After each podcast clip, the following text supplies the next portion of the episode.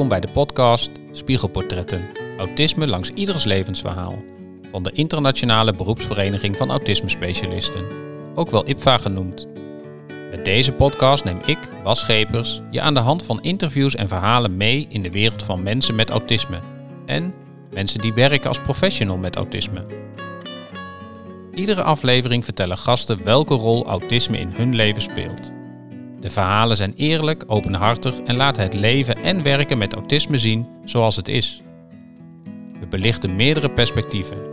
Hoe beleeft iemand met autisme de wereld? Hoe kijken professionals die hem behandelen daarnaar? Hoe kijken ouders naar de dromen, wensen en verwachtingen van hun kind met autisme? Wat zijn verhalen van anderen waar je mee te maken hebt? En waar schuurt het? Kortom, spiegelportretten. Autisme langs ieders levensverhaal. In deze derde aflevering van Spiegelportretten, Autisme langs ieders levensverhaal, blik ik met Elle en Mandy terug op een interview dat ik eerder heb gehad met Kevin. Kevin heeft autisme en epilepsie en hij woont op een woongroep van Kempenhagen, waar Elle en Mandy werken. De combinatie van autisme en epilepsie is soms moeilijk voor Kevin. Door zijn autisme heeft hij behoefte aan structuur, voorspelbaarheid en de epilepsie is juist iets onverwachts. De fragmenten die je hoort gaan over de impact van veranderingen op Kevin, zijn liefde voor treinen, epilepsie en de balans tussen eigen regie en veiligheid in het leven van Kevin. Elle, Mandy en Kevin geven een kijkje in de keuken bij de dagelijkse dilemma's waar ze met elkaar voor staan. Luister mee naar de aflevering Leven met autisme en epilepsie. Elle, kan jij vertellen waarom wij nu voor de tweede keer nu met z'n drieën zitten en ik eerder uh, het interview met Kevin heb afgenomen? Uh, ja, dat kan. Uh, de vorige keer was het eigenlijk de bedoeling om het interview af te nemen bij ons drie. maar het liep, liep, een beetje anders dan we hadden gedacht en we hadden voorbereid. dat is ook wel heel erg passend is binnen de begeleiding van onze bewoners merken we. Heel vaak lopen dingen anders dan gedacht. En het is eigenlijk heel leuk om dat ook op dit moment uh, terug te zien in zo'n podcast. Uh, dus we hebben een beetje uh, aanpassingen gedaan en er nu voor gekozen om inderdaad terug te blikken op het inter interview van Kevin. Ja. Leuk. Ja. Ja, want het idee was inderdaad om uh, jullie tweeën en Kevin tegelijk te interviewen. Ja. Nou, en dat, uh, dat bleek toch uh, anders te lopen dan we hadden gedacht. Ja. En we hebben wel een leuk interview met Kevin af kunnen nemen. En jullie hebben daar uiteindelijk uh, vier fragmenten uitgekozen, waar we dus nu met elkaar op, uh, op gaan terugblikken. En uh, vinden jullie het goed om naar het eerste fragment te gaan luisteren? Ja. Hey Kevin, als dingen anders gaan dan jij gewend bent, hoe is dat voor jou? Nee, het moet zoals ik gewend ben. Het moet zoals jij gewend bent. En stel dat Elle zegt bijvoorbeeld, nou we gaan het toch anders doen. Wat doe nee, jij dan? Mag niet. Nee, dat mag niet. Word je dan boos of streng? Streng boos. Streng en boos. Dan, sp dan spreek je Elle ook aan. Bij, ook bij ouders. Ook, je, ook bij jouw ouders? Ja? Mag niet anders gaan? Nee. Nee. Elle, kan je aangeven waarom jullie voor dit fragment hebben gekozen? Ja. Uh, Kevin die vertelt hier heel duidelijk dat hij uh, uh, als iets anders gaat dan hij dacht, dat dat eigenlijk niet mag, dat dat niet de bedoeling is. Uh, dat is ook wat we ook merkten tijdens de podcast. Um, ik had de podcast uh, samen met hem voorbereid. In die zin van dat ik de vragen met hem al doorgenomen. Um, maar dan komen we binnen in zo'n ruimte en dan staan er vervolgens heel veel microfoons. Uh, voor ruim twee onbekende mensen. Ik was de enige die hij kende. Um, en dan merk je aan hem dat hij echt even tijd nodig heeft om te landen, zeg maar. Maar ook uh, om de informatie op zich in te laten werken. Uh, hij ging letterlijk in een hoekje zitten en verwerken wat er allemaal te zien was. En hij vroeg ook van, ja, wat zijn dat voor dingen? Vroeg hij dan over de microfoons. Maar hij vroeg ook, ook van, uh, ja, maken die dan een hard geluid? Dus hij ging echt zelf al checken en vragen stellen. En wat je toen zag bij hem is dat hij ja, ik noem het even kliergedrag, want ik denk niet dat hij het zo bedoelde als klieren. Um, maar je kunt het zo wel interpreteren. Hij ging ook grapjes maken en hij ging uh, met zijn stoelen naar achter, uh, uh, ja, om harde geluiden zeg maar te creëren. En um, nou ja, ik had zoiets van, ja, hij, hij snapt het niet. Hij begrijpt niet zo goed wat de bedoeling is. Wat, wat wordt er nou van mij verwacht? En eh, toen hebben we ervoor gekozen om gewoon te gaan starten. Ja, jij bent mij toen gaan interviewen, Bas, om Ja. het gewoon te laten zien, zodat hij ook kon zien en ervaren wat het inhield. En toen merkte je letterlijk dat hij steeds een stapje dichterbij kwam. Want het fragment wat je zojuist hoorde, was hij nog best wel zacht te horen. Eh, maar toen zat hij wel al op zijn stoel voor de microfoon. Ja, dat weet ik nog, ja. Eh, maar nog niet heel dichtbij, zeg Nee. maar. Dus zo kwam ik elke keer een stapje bij, dichterbij. En dat was echt eh, heel mooi om te zien hoe dat dan bij hem werkte, vond ik. Vond ik echt heel knap eigenlijk hoe snel het ging. Ondanks dat het gewoon heel spannend voor hem was en heel erg nieuw, pakte hij het toch heel, heel goed op. Ja, want, want eh, we hebben het dan, hè, hij vertelt zelf ook, ik vraag hem als er iets verandert, hè, dan zegt hij nee, het moet. Het moet zoals ik het wil eigenlijk. Hè. Ja. Waren het eigenlijk te veel veranderingen in één keer voor hem? Ja, dat denk ik wel. Ja. En wat denk ik ook heel, heel erg meespeelde. Kijk, ik was voor hem de enige bekende persoon. Maar ik was op dat moment voor hem ook niet veilig. Want wat ik bij mezelf merkte, ik ging hem halen op de afdeling. En hij gaf aan, Elle, eh, ik ben moe, ik heb rust nodig. Toen ben ik met hem gaan kijken van oké, eh, wat kan ik hem nu bieden? Zijn we een compromisje gaan sluiten? Zijn we tijd gaan afspreken van oké, hij wilde alleen op zijn kamer zijn. Nou, en op dat moment dan ben ik op de afdeling en dan dat is ons werk, zeg maar. Dat, hoort erbij, vinden we heel belangrijk om met hem mee te bewegen. En uiteindelijk gaat hij dan ook met mij mee. Maar dan ben, kom je binnen in zo'n ruimte en ik voelde ook een bepaalde druk van ja, hè, hier moet iets gebeuren. We moeten een podcast opnemen. Bas komt helemaal hier naartoe. en we hebben tot vijf uur. Ja, ik denk dat hij dat echt wel bij mij voelde. En op, dat, Ja. op het moment dat ik dat ook los ging laten van ja, weet je, we zien wel hoe het loopt. Merkte ik ook bij hem dat het beter ging. Oké, en, en Mandy, hoe kijk jij naar, naar, naar dit fragment, maar ook naar wat, eh, wat Elle vertelt? Ja, ik eh, was natuurlijk nog niet bekend met Kevin. En ehm, ja, ik vond het wel heel gaaf om te zien hoe hij binnenkwam. En inderdaad echt in die hoek ging staan. En gewoon eens ging verwerken wat er allemaal te zien was. En hij vroeg ook echt aan ons van...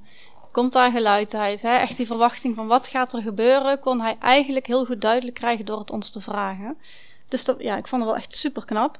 En ja, voor mezelf was het ook wel aftasten van ehm, wat kan ik wel zeggen of wat kan ik niet zeggen. En ik ben natuurlijk een extra prikkel. Als ik nog meer ga sturen of ga vragen, wordt het waarschijnlijk voor hem niet makkelijker op.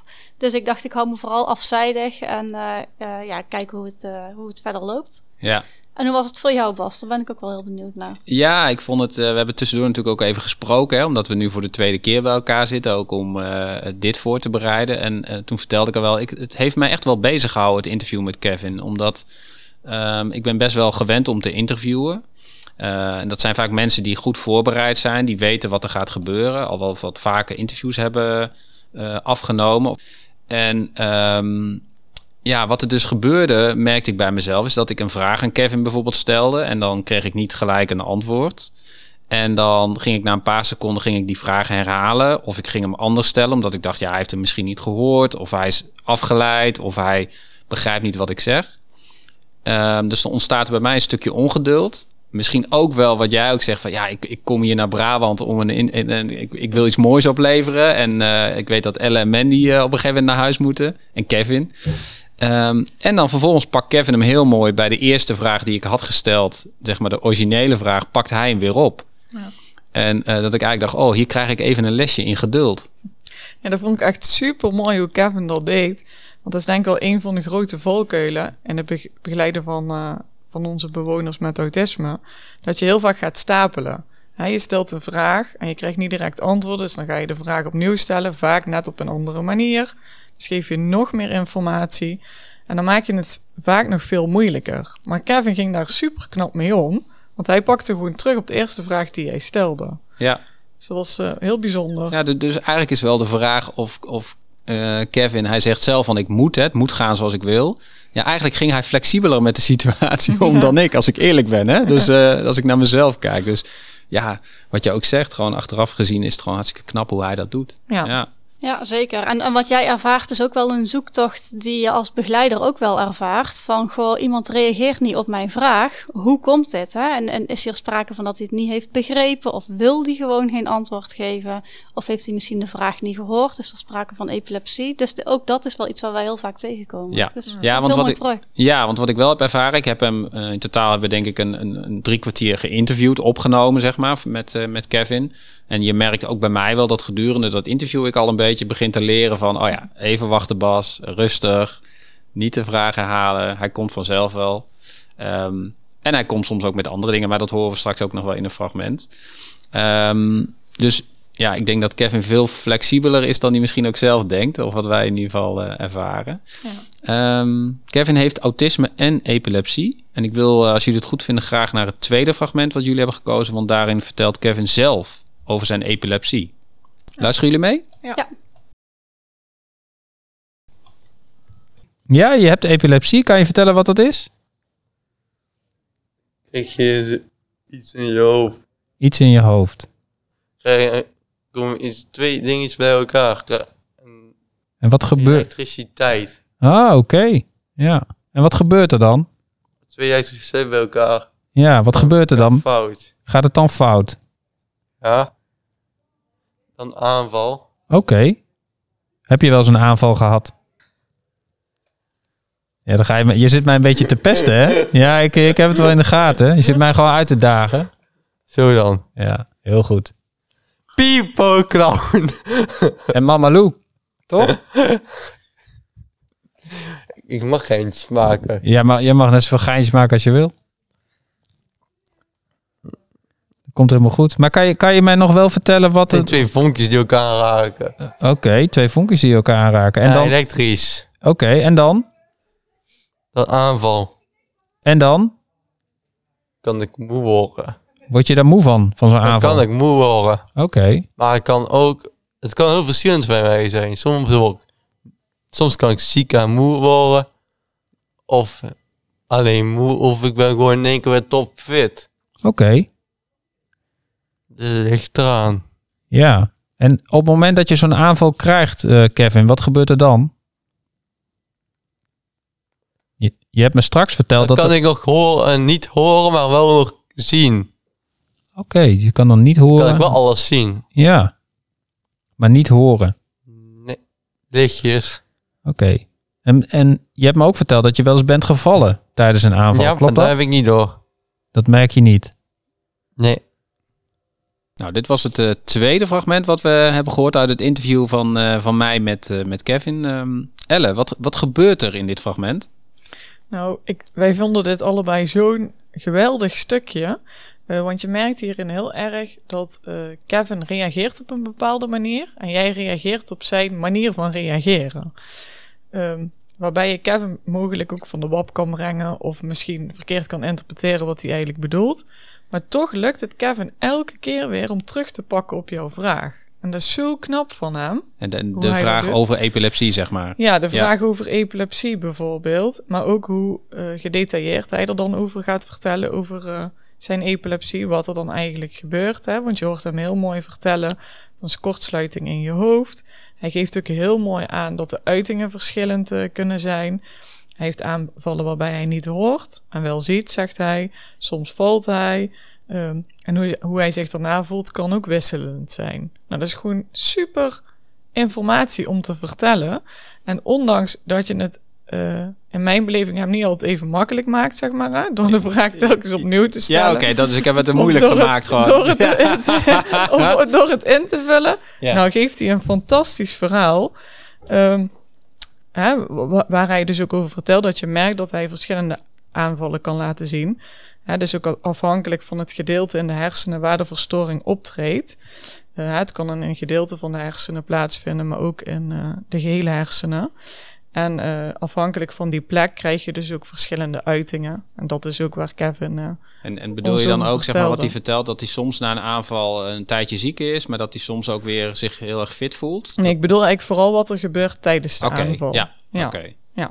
Ja, Heel maar ook leuk stuk. daarna geeft hij ook eigenlijk wel heel goed weer. Hè? Van gewoon na een Ja. aanval kan ik me ook wel echt eh, heel verschillend voelen. Het Ja, ene ja. moment eh, ben ik heel moe en kan ik niks. En ja. ja, ik val ook wel eens op de grond, maar dan merk ik niks van. Ja. Hoe, hoe, hoe meer we terugkijken ook op dit interview, en, de, en dit is dan het tweede fragment, is eh, eh, ja, mijn, eh, hoe moet ik het zeggen? Mijn, hij stijgt nog meer in mijn aanzien, Kevin. Hè? Hoe hij dus met mij omgaat, zeg maar. Ik vind dat echt geweldig. Ja. Mandy, Kevin heeft autisme en epilepsie. Is dat nou een bijzondere combinatie? Ja, dat is eh, zeker een bijzondere combinatie. Tegelijkertijd ook heel erg complex. Hè? Wat eh, eigenlijk nou net al goed verteld werd, is eh, dat het heel verschillend kan zijn hoe de epilepsie zich uit. En dat is bij iemand met autisme ook. Dus dat maakt dat het, het samenkomen daarin wel erg complex is, inderdaad. En zijn er nou thema's, situaties of aspecten die in de praktijk, in het dagelijks leven van bijvoorbeeld Kevin, hè, dus iemand met autisme en epilepsie, vaker voorkomen? Ja, ja allereerst, eh, ehm, ja, iedere persoon is uniek. En eh, iemand is natuurlijk nog veel meer dan alleen autisme of epilepsie. Dus dat is eigenlijk wel altijd ons uitgangspunt, waar we altijd eh, naar kijken.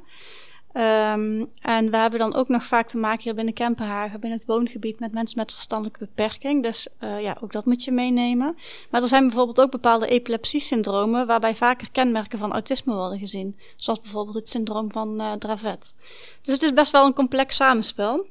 En eh, jij vraagt mij naar de thema's die vaker voorkomen. Ja. Nou, prikkelverwerking is zeker wel zo'n thema ehm, ja, waar we wel echt vaker naar kijken. Want er zijn echt wel bijzonderheden bij cliënten met epilepsie naar de prikkelverwerking, maar ook bij autisme. Dus het is zeker wel een thema waar wij eh, op inzoomen. Ja. Ja. Wat is bijvoorbeeld uniek in de prikkelverwerking van iemand die, eh, zoals Kevin, autisme en epilepsie heeft? Eh, ja, het wisselende erin is wel denk ik echt heel erg bijzonder. En er zit, ook daarin zit heel veel diversiteit. Dus het is ehm, ja, voor iedereen weer zo enorm anders. En per moment ook weer enorm anders. Ja. Maar dan heb je natuurlijk ook nog de anti-epileptica die ze vaak gebruiken. En ook dat heeft dan weer een eh, invloed op die alertheid. Dus het, ja, het is gewoon echt heel complex en echt maatwerk. Ja. Je merkt dat die alertheid heel wisselend kan zijn. Voor, tijdens of na een epileptische aanval. Eh, ja, wat wel heel veel flexibiliteit vraagt, ook van begeleiders. Ja. Want dat maakt dat een, eh, een bewoner eh, op verschillende momenten ook verschillende di- dingen aan kan en nodig heeft. Ja, want, want als, jullie, als je dan kijkt, eh, Mandy, naar de prikkelverwerking op, eh, tijdens het interview wat ik met, eh, met Kevin had en waar jij ook bij aanwezig was. Hoe zou je dat beschrijven op dat moment? Nou, ik vond het best wel passend wat hij deed. En ook echt even dat hij die afstand nam om gewoon eens even alles te verwerken. En echt daar die tijd ook zelf van nam. Eh, ja, echt super knap hoe hij dat gewoon voor zichzelf goed kon reguleren en goed kon regelen. Ja. Ja. Voor jou ook, eh, Elle? Ja, hetzelfde. Echt eh, heel bijzonder om te zien, heel mooi om te zien. Ik heb het er nou ook nog aan hem benoemd. Dat ik heel trots op hem ben. Oké. Hoe, hoe hij het had gedaan. En hij was ook zichtbaar trots op zichzelf. Ah, dat Ja. is mooi. Ja, want Ja. daar was ik nou even benieuwd naar. En ehm, misschien kan een van jullie antwoord op geven. Hoe heeft hij het daarna ervaren? Dus hoe, ehm, ja, hoe was zijn reactie na de opnames? Want het was natuurlijk wel een spannend moment, ook voor hem. Ja, ik ben eh, daarna nog even naar de afdeling toegelopen. En eh, eh, toen heb ik het gevraagd aan zijn begeleider, die toen met hem aan het werk wa- was. En ze vertelde dat hij heel enthousiast terugkwam. En ook vertelde wat hij allemaal had gezegd. En ook bepaalde dingen heel nadrukkelijk zei. Van ja, dat heb ik ook wel gezegd hoor. Dat vond hij wel heel belangrijk. Ehm, maar hij was vooral heel trots. Toen we hier weggingen bij het interview, toen kreeg ik ook geen chocolaatje. Hij zat hij allemaal grapjes te maken. Maar het eerste wat ik kreeg op de afdeling was een chocolaatje. Ja, dus dat was wel heel grappig. Even voor de luisteraar. Voor Kevin hebben we een doos chocola meegenomen. En toen we hem gaven was hij heel duidelijk... eh, niemand krijgt een chocolaatje. Ik heb ze gekregen en eh, ze zijn Ja. voor mij. En daar had hij ook helemaal gelijk in. Maar Ja. hij is toch bijgedraaid. Ja, zeker. Ja. Hij was eh, heel trots. Ja, trots. Ik, ik hoor trots en enthousiasme en dat vind ik ook heel erg leuk. Want ehm, ik ben ook heel erg blij dat jullie het derde fragment hebben gekozen. Want het gaat over treinen. En als me iets is bijgebleven van het interview met eh, Kevin... is zijn enthousiasme en passie voor treinen. Ja. Dus eh, laten we luisteren naar dat fragment. Ik was een keer met Lieke op het station geweest. Toen kwam er eh, ook een hele lange goederentrein. Had 56 wagons, die moesten we heel langzaam. 56 wagons, dat is wel een kilometer lang, denk ik, of niet? In Eh, totaal. Dat zijn, eh, dat zijn de langste goederentreinen. Ja. Jeetje, mina. hé. En eh sneltrein. Ah. Sneltrein kan ook. Word je moe, Kevin? Nee, Oké. dat is gewoon een gaap. Een gaapje, oké. Wat vind je leuker? Een goederentrein of een passagierstrein? Wat maakt dat uit? Nou, het verschil is natuurlijk... In een passagierstrein kan je meerijden. Een goederentrein niet. Goederentrein, eh, die rij je altijd door en die ma maken al de herrie. Ah, oké. Dit is koploper.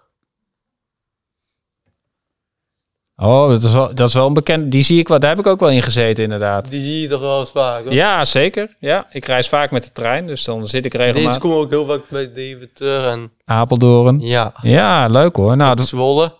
Dus als ik er volgende keer in zit, dan weet ik dat het een koploper Ja, heet. Amersfoort komen die ook. Oké. En 1700 komen die ook daar.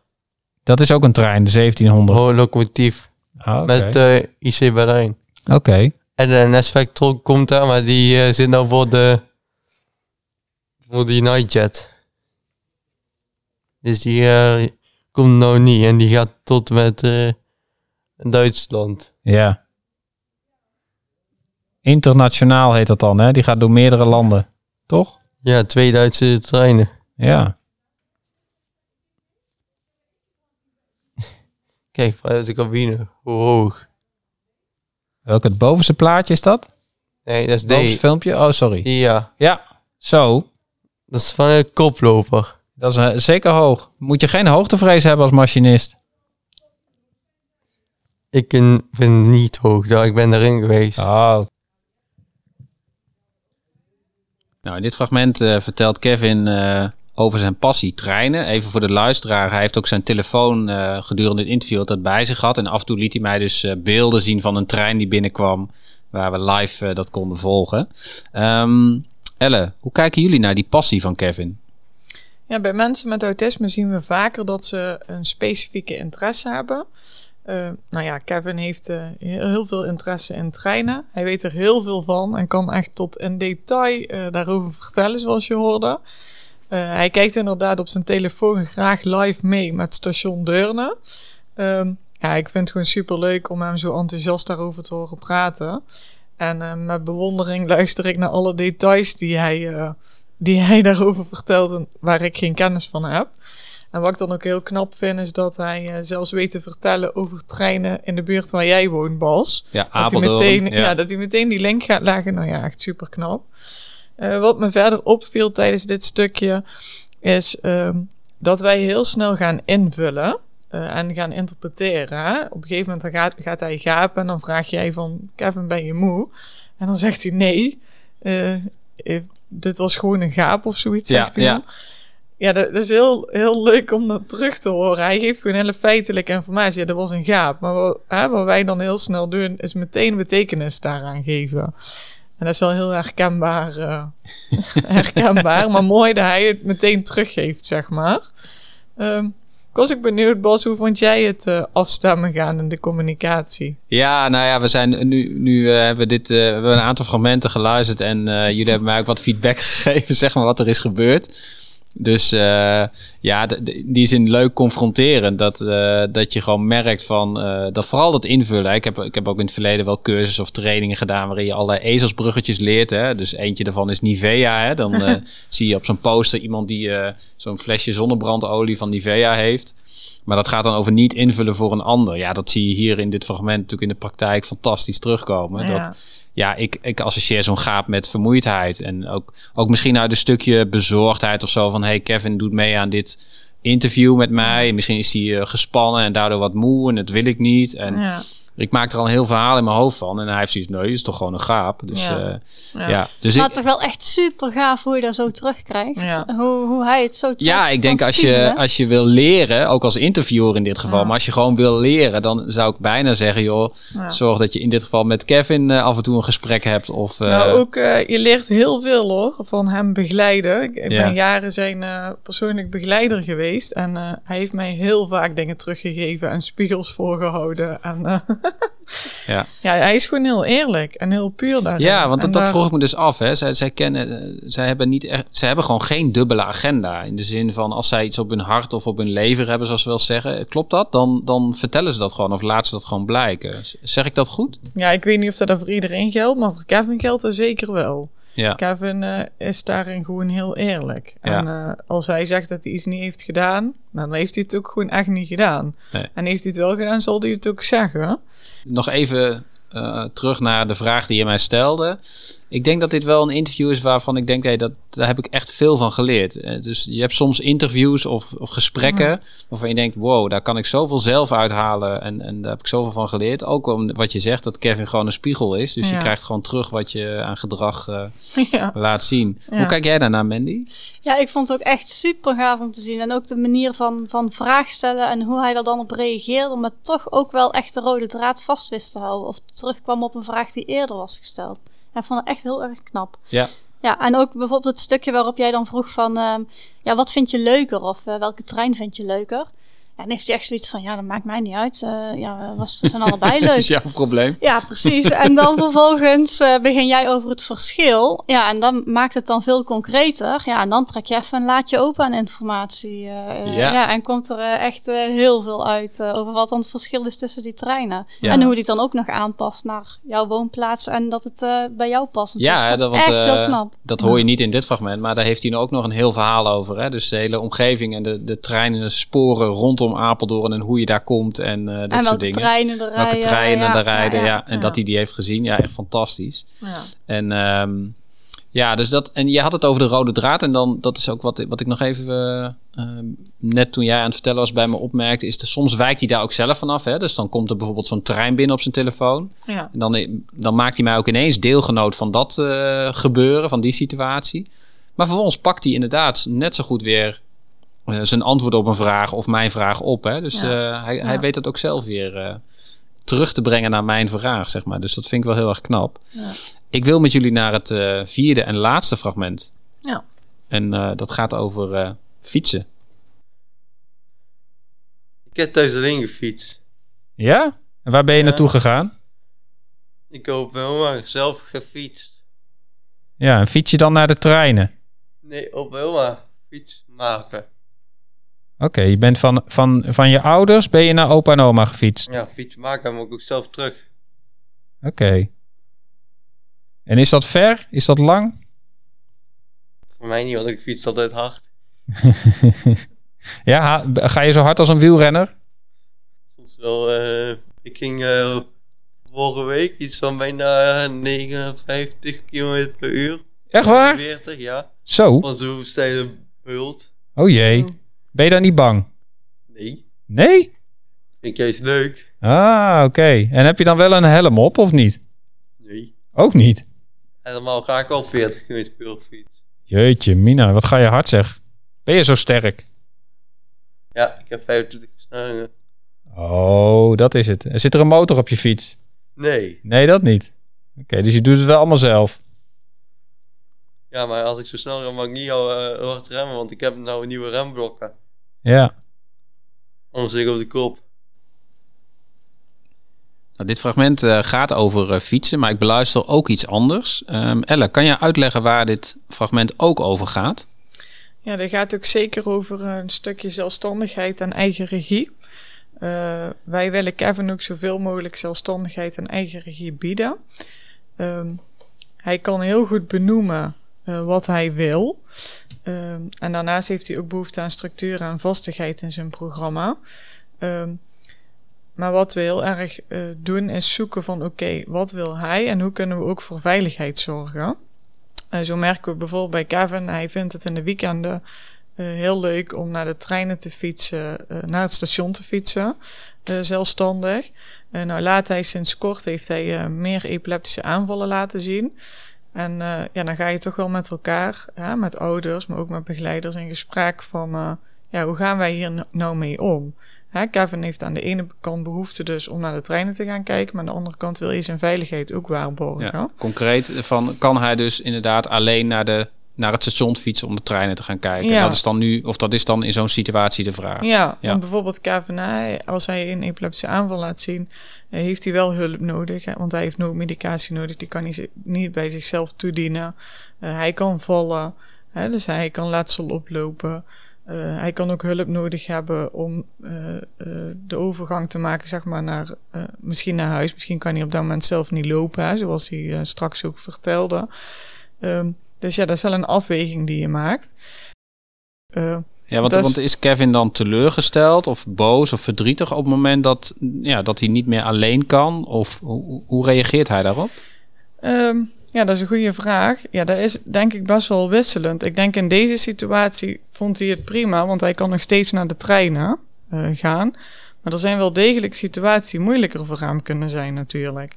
En het is dan wel heel belangrijk dat wij hem meenemen in dat proces. Hè? In hoeverre dat kan, zeg maar. Dus dat je met hem dus dat gesprek aangaat, maar ook visualiseert van wat er dan is afgesproken en waarom. En ik eh, heb de ervaring met Kevin, als je dat dus uit kunt leggen en hij snapt hè, wat de achterliggende gedachte is van een bepaalde keuze, dan is het ook prima. Eh, maar het is wel heel belangrijk om hem daarin te betrekken. Ja. Ja. Hoe kijk jij naar, deze, naar dit fragment en ehm, de balans tussen aan de ene kant eigen regie, bij Kevin in dit geval, en aan de andere kant de veiligheid? Ja, zeker wat Elle vertelt. Hè. Het is echt gewoon een bepaalde risicoafweging die je eigenlijk maakt. Hè. En de trein is absoluut zijn passie. Dus het is iets wat je echt heel graag wil. Maar het brengt wel bepaalde risico's met zich mee. En ja, het belangrijkste is dat je met z'n allen gewoon goed in gesprek gaat. Wat vinden we er nou van? En hoe kunnen we toch eh, die risico's zo klein mogelijk maken. Maar iemand toch wel echt laten doen wat hij graag wil. Ja. Ja.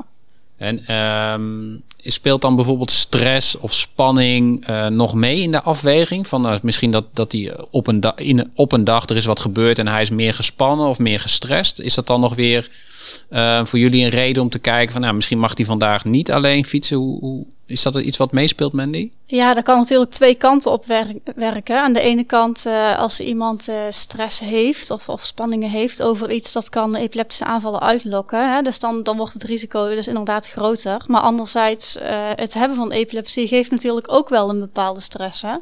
Je zal maar eh, eh, naar de treinen gaan kijken en eh, er zal maar onderweg iets gebeuren. Ja, en, en hoe voel je je dan na? En, en wat kan je dan na? En, en is, ja, dat brengt natuurlijk ook wel echt een bepaalde spanning met zich mee. Ja. Kan ik dan mijn programma nog volgen zoals ik het had bedacht? Of eh, hoe reageren mensen in mijn omgeving? Ja. Ja, en tegelijkertijd heb ik het ook wel eens andersom hoor, gezien bij een cliënt. Een cliënt die, die heel veel spanning had en, en, en echt opliep. Een, een, ja, een overstromend emmertje eigenlijk van, eh, van thema's eh, ja, waar het moeilijk voor hem was. En op dat moment kreeg hij een epileptische aanval. En het was echt letterlijk een ontlading. Hij was alles kwijt en een emmertje was gewoon weer leeg. Oké. Ja, dus het, het, ja, het is bij iedereen ook weer zo anders. eh, maar het is wel echt een thema ja, wat wel vaker voorkomt. Ja. En, en je zal maar eh, behoefte hebben aan, aan bepaalde voorspelbaarheid. En dan epilepsie hebben, wat gewoon ieder moment van de dag op kan treden. En je weet niet hoe het gaat. En je weet niet hoe je je daarna voelt. Dus dat Ja. vraagt echt wel enige flexibiliteit. En dan woon je ook nog samen met, bewoner, met andere bewoners die ook epilepsie hebben. Ja, dus dan eh, sta je bijvoorbeeld met je hele club op het punt om eh, naar een activiteit te gaan. En dan krijgt iemand een epileptische aanval, waardoor je niet meteen kunt vertrekken. Waardoor je even moet wachten of waardoor je maar een gedeelte van de groep kan vertrekken. Ja, het houdt Ja. nogal wel in.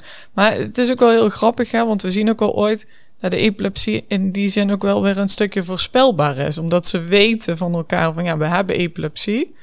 Dus het lijkt er ook een beetje bij te horen. Zeg Ja, ja, het, maar. het, het onvoorspelbare wordt al, aan de ene kant wel weer geaccepteerd en misschien ook wel weer rekening mee gehouden. ja, van een het- stukje voorspelbaar ook. Ja. Ja, ja. voorspelbare onvoorspelbaarheid, Ja. om het heel mooi te zeggen. Ja, echt een bepaald concept hebben ze gevormd. Hè? Ja. Van, nou, die aanvallen Ja. die horen er gewoon bij en die kunnen altijd optreden. En, eh, Ja. ja. Ja. Ja, en is, is daarom, omdat ze dat, misschien Kevin ook wel, hij weet dat dan ook, dat kan gebeuren, dat hij dan ook wel accepteert inderdaad van, goh, ja, eh, mijn, eh, ze willen mij zoveel mogelijk vrijlaten, mijn passie laten volgen, maar af en toe, ja, dan zal ik moeten accepteren dat, ik, eh, dat de veiligheid voorgaat. Is dat iets wat, wat jullie zien bij Kevin? Ja, Tot dat zou, zou kunnen. Ja, Ja. ik kan dat niet voor hem invullen, maar dat zou wel degelijk kunnen. Zouden we hem dan nog moeten vragen? Ja, Ja. goede vraag. Hij kan Ja. het zelf goed verwoorden. Ja, dat, dat, dat, is- dat, daar zijn we inmiddels wel helemaal van overtuigd. Hè? Ja. Ehm, we lopen naar het einde toe en ik ben heel erg benieuwd, Elle en Mandy, hoe hebben jullie dit nou ervaren om samen met mij terug te kijken op een interview van mij met Kevin? Ja, heel leuk. Ik, eh, ik, ik vind het proces sowieso echt heel leuk. Hoe het is gegaan. Ook een stukje eh, reflectie naar mezelf toe. Hoe, hoe je daar dan in staat. En hoe je dus zelf ook weer omgaat met bepaalde druk die je ervaart. En wat er dan doet met iemand. En dat weet je wel. Maar toch heb je dan, krijg je weer even een spiegel. is heel goed. En wat ik ook heel, heel mooi terugzie, ik vind al- als begeleider zijn, dan maak je ook een proces door met een bewoner. Je leert elkaar kennen en eh, je gaat kijken wat heeft die bewoner nodig, hoe kan ik daarbij aansluiten. En dat proces zag ik eigenlijk ook heel mooi terug tijdens het interview tussen jou en Kevin. Ja. Hè, In het begin was je heel veel vragen aan het herhalen of Aan op een andere stapelen, manier aan het stellen geleerd, of aan ja. het stapelen. Maar op een gegeven moment begon jij dat ook los te laten. En dat merkte je ook bij Kevin. Dus dat proces, ja, om dat dan van een afstandje te volgen, ja, is gewoon super, eh, super leuk. Graag gedaan. Ja, Hey, en Mandy, hoe heb jij het ervaren? Ja, ook super gaaf. Eh, natuurlijk kende ik eh, Kevin niet, dus eh, ik was ook een beetje ja, in afwachting wat er precies zou gebeuren. Maar ja, dingen die wij eigenlijk vaak zien binnen ons werk in Kempenhagen, is toch wel die bijzonderheden in die prikkelverwerking, het aansluiten in communicatie. Ja, weet je, er waren dingen die gewoon ook nu gewoon weer echt heel erg terugkwamen. Maar ook de stress, de spanningen, de balans tussen zelfstandigheid en, en risico's afwegen. Ja, Ja. Het, het kwam eigenlijk echt allemaal terug. Dus echt Ja. heel gaaf om te zien. Ja, Ik, ik, ik wil jullie ook heel erg bedanken. We hebben ook samen een eh, traject gevolgd waarbij we nou, niet precies wisten hoe het zou gaan aflopen. Maar eh, ik denk dat er gewoon een heel mooie uitkomst, een hele mooie uitkomst is, eh, ja, gaat komen, de podcast. die voor mij aan de ene kant denk ik heel erg leuk is om terug te luisteren, maar ook heel erg leerzaam. Dus dat, daar ben ik jullie en vooral Kevin ja, heel erg dankbaar voor. ja. Heel erg bedankt. Nou, ook heel veel lof, dat wil ik nog even eraan toevoegen aan Kevin. Want Ja. echt super knap hoe hij Zeker. dit heeft gedaan en hoe hij ons deelgenoot heeft, hè, heeft gemaakt van Ja, hoe hij ik- dingen ervaart ja. en ziet. Ja. Ja, Hele goeie, want ik ben eigenlijk wel, ik, nou, ik ben hem ook wel dankbaar dat we zo'n kijkje in zijn leven mochten krijgen. ja. Zeker. Ja. Dus eh, hij is er niet, maar Kevin bedankt. En eh, jullie ook bedankt. Ja, Ja, jij jij ook ook. bedankt. Graag gedaan. Dit was de derde aflevering van Spiegelportretten. Autisme langs ieders levensverhaal. We hopen dat het verhaal van Kevin, Elle en Mandy je heeft geïnspireerd. Deze podcast is gemaakt door Ramiro Martina, Ilonka van der Sommen en Bas Schepers in opdracht van de Internationale Beroepsvereniging van Autisme Specialisten. Wil je reageren op deze aflevering of heb je een vraag? Mail naar contact.ibva.info. Tot de volgende aflevering.